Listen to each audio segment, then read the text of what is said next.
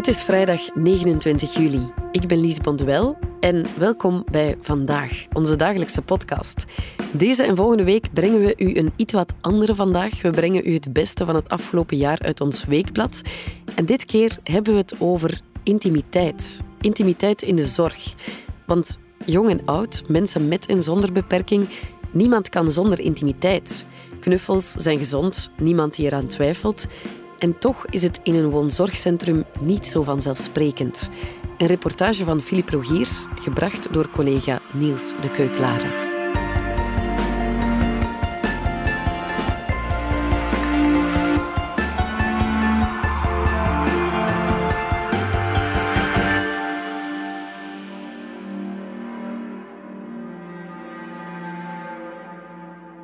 Jong en oud, mensen met en zonder beperking. Niemand kan zonder intimiteit. In de zorg sneuvelen taboes, ondanks corona en MeToo, of net dankzij. Het heeft ons bewuster gemaakt van wat ongewenst, maar vooral net zeer gewenst contact is. Hermine Verreken weet nog goed wat ze wil. Haar kamer in woonzorghuis ten Kerselare in Heist op den Berg baat in een zacht licht. Aan elke muur hangen schilderijen, op haar bed ligt een sprei met het patroon van een pantervel en een kussen met de kop van een tijger. Alleen voelt ze zich niet, zegt ze. Maar de vraag hoe het is om de lakens met een tijger te delen, beantwoordt ze met een schaterlach. Dat zou eens waar moeten zijn, zegt ze. Verderop in de gang ontmoeten we een bewoner die veertien kinderen op de wereld heeft gezet. En als ik nog kon, ik kocht er nog, zegt ze lachend. Knuffelen, daar ben ik sterk in, zegt Jos Schelleman enkele kamers verder. Hij zegt: Ik ben altijd de beste knuffelaar geweest, hè, Annie? Hij port zijn vrouw naast hem in de zetel. Zeg toch gewoon ja. Jos en Annie zijn een halve eeuw en twee jaar getrouwd. En geen dag zonder knuffel, zegt hij, terwijl hij haar over de wang streelt. Annie verblijft in Tinkerselare. Jos komt elke dag op bezoek. Soms gaat de deur dicht voor pottenkijkers. Dat mag hier. Of ze elkaar af en toe eens goed vastpakken, vraagt ergotherapeut Annelies van Hoof in de televisiezaal aan Adi en Josephine, die in hun eigen hoofd vertoeven. De vraag maakt hen wakker. Zo is reuze, lacht Adi. Zeker, dat is plezant, hè, Josephine, zegt hij. In Tinkerselare is strikte medische en praktische zorg al lang geleden uitgebreid met aandacht voor wat een mens kan sterken in zijn lichaams-ik. Dat zijn de woorden van Andreas Frolich, een Duitse orthopedagoog die in de jaren 80 de basis legde voor de basale stimulatie. Frolich ontdekte dat knuffels, massages, trillingen en ruimtelijke ingrepen niet alleen een heilzaam effect hebben op kinderen en peuters, maar ook op volwassenen met ernstige, meervoudige beperkingen. Gaandeweg vonden aspecten van die methode ook hun weg naar de ziekenhuizen en de ouderenzorg. Bij mensen met dementie, zoals de bewoners van Ten Kerselare, is bazaal contact vaak nog de enige taal die rest. Een hand op een hand kan het verschil maken tussen wel en geen verbondenheid, rust en onrust.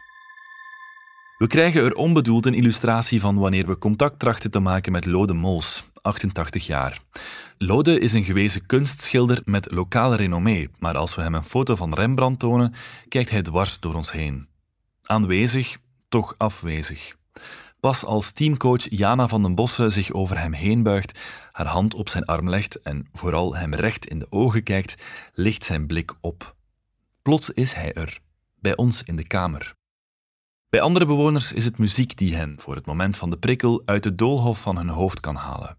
Of een massage van voeten en handen, het lakken van de nagels of de nabijheid van een kind of dier.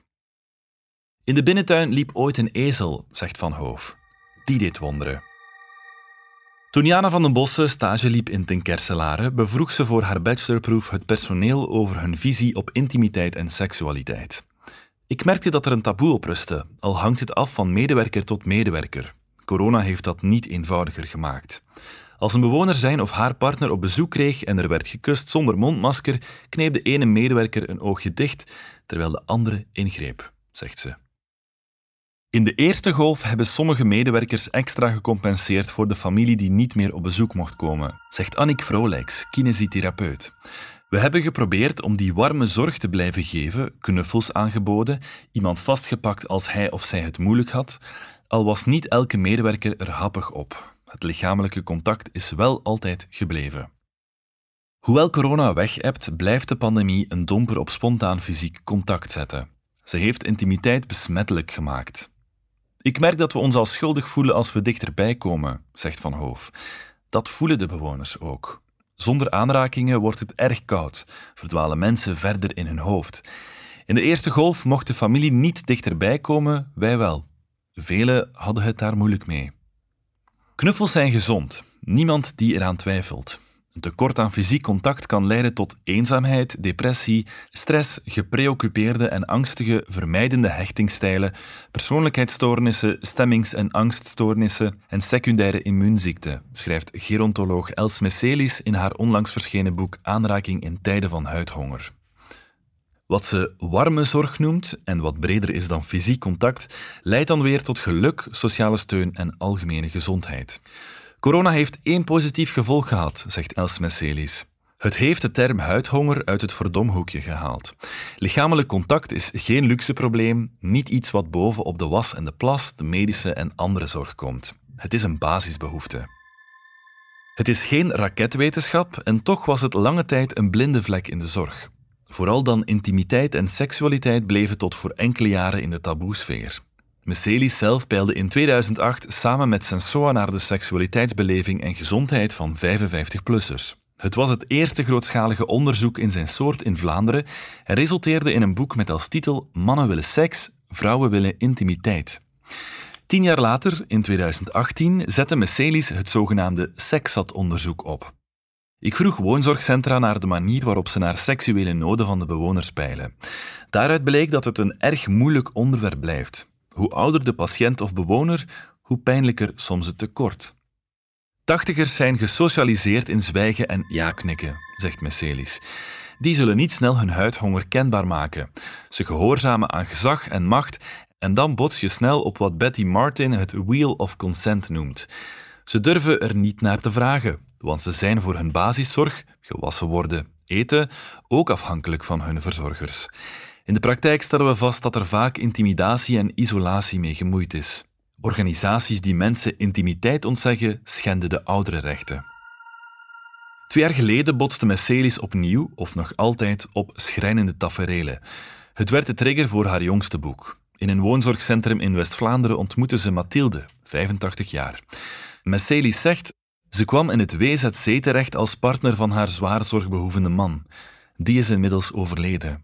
Al jaren gaat ze slapen met tien knuffelberen. Toen ik haar ontmoette, zei ze dat ze het kotsbeu was. Ze wilde echt menselijk contact. Ik heb haar in mijn armen genomen en we hebben samen een potje zitten wenen. Zeker in de dagelijkse praktijk lijkt de weg naar warme zorg nog erg lang, zegt Messelis. Evolutie was er in zaken beleid en visie wel de jongste jaren, maar die werd dan weer te veel getriggerd door problemen eerder dan door kansen. Messelis zegt, in 2015 heeft minister van Welzijn Jo van Deurzen van CD&V indirect het taboe op intimiteit en seksualiteit op oudere leeftijd en bij mensen met een beperking gelicht. Maar dat was als reactie op grensoverschrijdend gedrag. Wat ontbrak en nog te veel ontbreekt, is een beleid dat mensen in de zorg instrumenten aanreikt om gehoor te geven aan de nood van patiënten of bewoners aan fysiek en intiem contact. Je moet inderdaad niet wachten op calamiteiten om een visie uit te werken op intimiteit en seksualiteit in zorginstellingen, vindt ook Hendrik de la Ruelle, directeur van het Vlaams Welzijnsverbond, dat zo'n 750 voorzieningen in de jeugdhulp en gezinsondersteuning, in de kinderopvang en de ondersteuning van personen met een beperking vertegenwoordigt. Al in 2004 stelde het Welzijnsverbond een advies op over hoe om te gaan met het vermoeden van seksueel grensoverschrijdend gedrag. Recenter, in 2016, volgde een advies dat positiever inzoomde op lichamelijk handelen in zorg- en ondersteuningsrelaties. Wat we niet willen is dat we camera's moeten installeren in zorginstellingen, zoals dat in Ierland is gebeurd na de vele schandalen daarover kindermisbruik, zegt de Laruelle. Dat is nu net een miskenning van de positieve nood aan intimiteit, zegt hij. Woonzorgcentra moeten voor eind 2022 hun beleid in zaken relaties, intimiteit en seksualiteit expliciteren. Zo wil het de Vlaamse overheid volgens het nieuwe woonzorgdecreet van 2019. Zorgnet Icuro schreef in 2015 al een ethisch advies over intimiteit en seksualiteit in de zorg voor ouderen. Ook Emmaus legt op dit moment de laatste hand aan een visietekst. Rijkelijk laat, toch? We evalueren en herwerken permanent, zegt Simon Godescharle, coördinator gezondheidsethiek van Emmaus. Want de inzichten evolueren snel, zegt hij. We schrijven zo'n tekst ook niet vanuit een ivoren toren, maar op basis van gesprekken met zorgpersoneel en bewoners. Seksualiteit en intimiteit zijn in de zorgcontext niet meer weg te denken. Hij zegt: MeToo heeft het bewustzijn daarover verder aangescherpt. Het heeft ons bewuster gemaakt van wat ongepast, maar vooral net zeer gewenst contact is. Wat is te dichtbij? Wat is te ver weg? In de zorg zijn dat veelal beladen vragen. Je kunt ze maar beter onder ogen zien. Als huidhonger en ruimer nood aan intieme aanraking in woonzorgcentra en andere voorzieningen de jongste jaren makkelijker erkend werden, is dat eerder dankzij dan ondanks MeToo. Problemen krijg je waar seksuele noden genegeerd worden, zegt Els Messelis. Net als je niet definieert wat warme zorg wel en niet inhoudt, krijg je grijze zones. Die zijn er, ondanks het voortschrijdend inzicht in de praktijk nog altijd, al blijkt dat niet uit officiële cijfers. Sinds 2015 is er een meldingsplicht voor seksueel grensoverschrijdend gedrag in zorginstellingen. Navraag bij het agentschap Zorg en Gezondheid leert dat er tussen 2019 en vandaag slechts acht meldingen zijn geweest. Dat strookt totaal niet met onze waarneming op het terrein, zegt Messelis. Veel woonzorgcentra weten mijns inziens niet eens dat er een meldingsplicht is. Messelis leidt al sinds 2016 zorgverleners op tot zogenaamde intimiteitscoaches. Dat doet ze onder meer in samenwerking met de VZW Aditi, gespecialiseerd in intimiteits- en seksualiteitszorg op maat. De vragen uit de sector nemen jaar na jaar toe. Daarom is de VZW vorige maand ook gestart met een vorming van referentiepersonen voor relaties, intimiteit en seksualiteit. In het najaar volgt een tweede vierdaagse. De initiatiefnemers hopen op een officiële erkenning van de overheid. Vooral hopen ze dat zo'n referentiepersonen in een voorziening even ingeburgerd zullen geraken als een referentiepersoon voor dementie of euthanasie. Dat er schot in de zaak zit, of toch zat, voor corona, stelt ook Felis op het terrein vast. Felis, 51 jaar, is seksuele dienstverlener. Sinds enkele jaren komt ze in zorginstellingen over de vloer. De tijd dat je daar raar bekeken werd als je je aanbood aan de receptie is voorbij, zegt ze. Meestal word ik uitgestuurd omdat de instelling zelf een vraag heeft gesteld aan Aditi. Ik kom voornamelijk in voorzieningen voor mensen met een beperking, of in een daghotel als de privacy in de voorziening niet gegarandeerd is. In woonzorgcentra ligt het moeilijker, hoor ik van collega's. Felis is medisch secretaresse van opleiding, maar de zorg voor mensen die tot voor enkele jaren met hun nood aan intimiteit bleven zitten, is haar echte roeping. Ze doet alles, zegt ze, wat ook in een normale, tussen haakjes, seksuele relatie kan. Ze zegt, soms lukt dat fysiek niet voor mijn cliënten. Een van hen lijdt aan cerebrale parese. Hij kan geen gecoördineerde beweging maken, masturberen lukt dus ook niet. Het maakt hem geïrriteerd, onrustig, te meer omdat zijn familie hem niet als een seksueel wezen beschouwt. Ik kan u amper beschrijven hoe gelukkig je zo iemand kunt maken.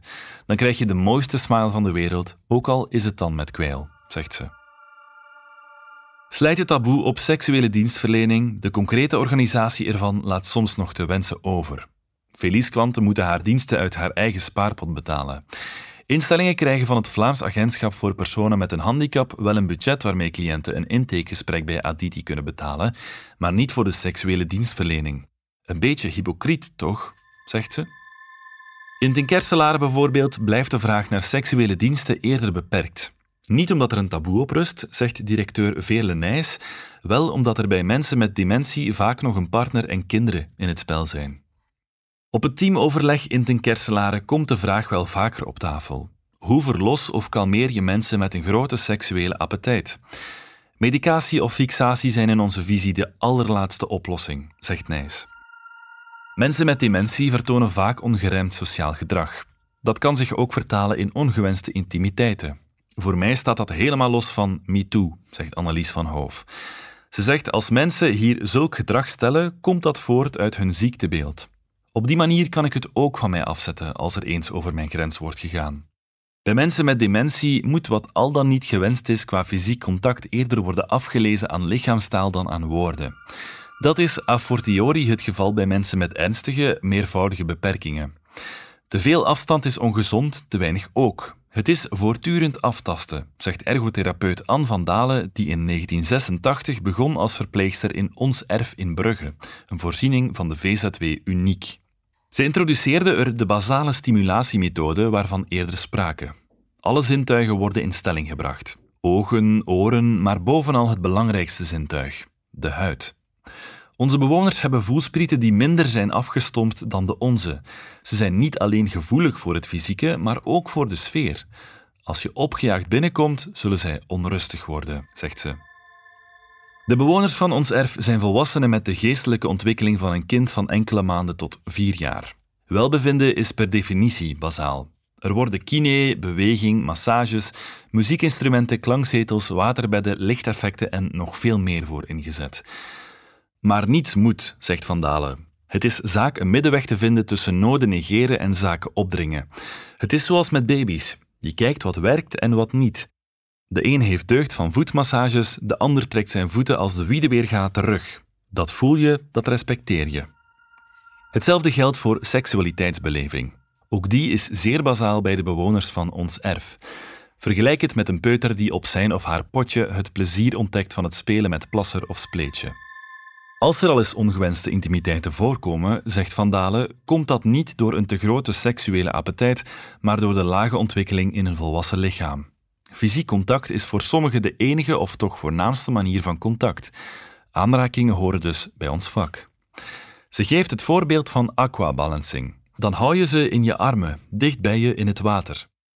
Als een bewoner op zo'n moment een zeldzame keer opgewonden raakt, maakt onze professionaliteit dat de grenzen bewaakt worden. Weet je, mijn hart is al honderd keer groter geworden in de jaren dat ik hier werk. Ik zie die gasten allemaal graag, maar het blijven mensen met wie ik werk. Weet je wat in dit werk de belangrijkste factor is? vraagt Anne van Dalen. Tijd.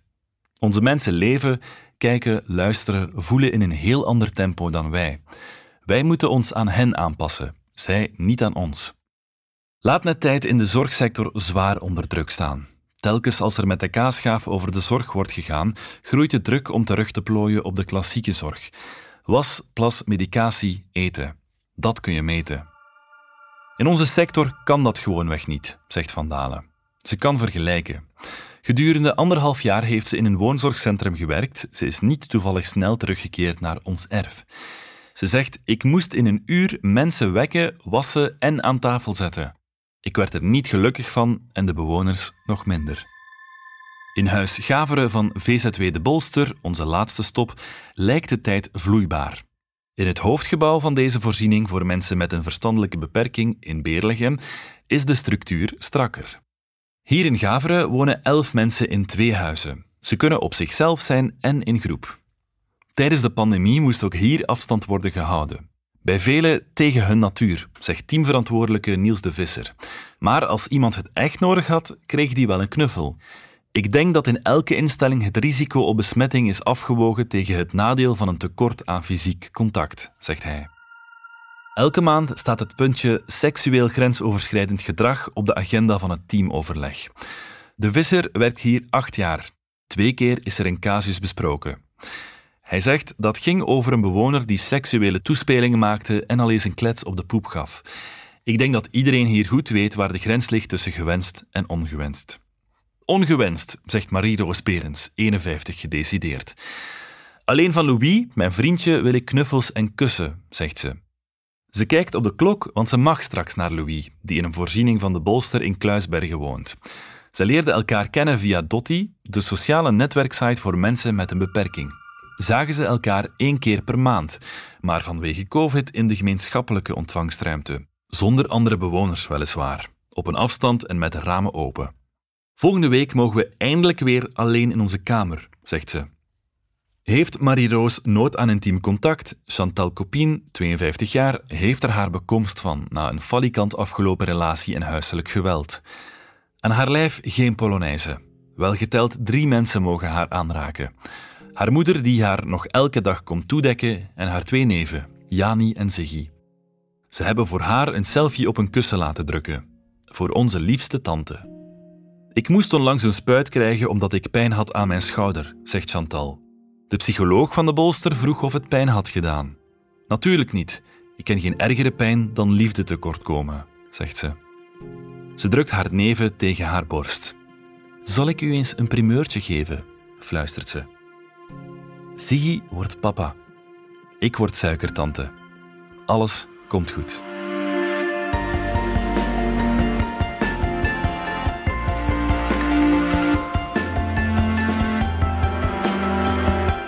Dit was vandaag de dagelijkse podcast van de Standaard. Bedankt voor het luisteren. Alle credits van de podcast die je net hoorde vind je op standaard.be-podcast. Reageren kan via podcast.standaard.be. Morgen zijn we er opnieuw.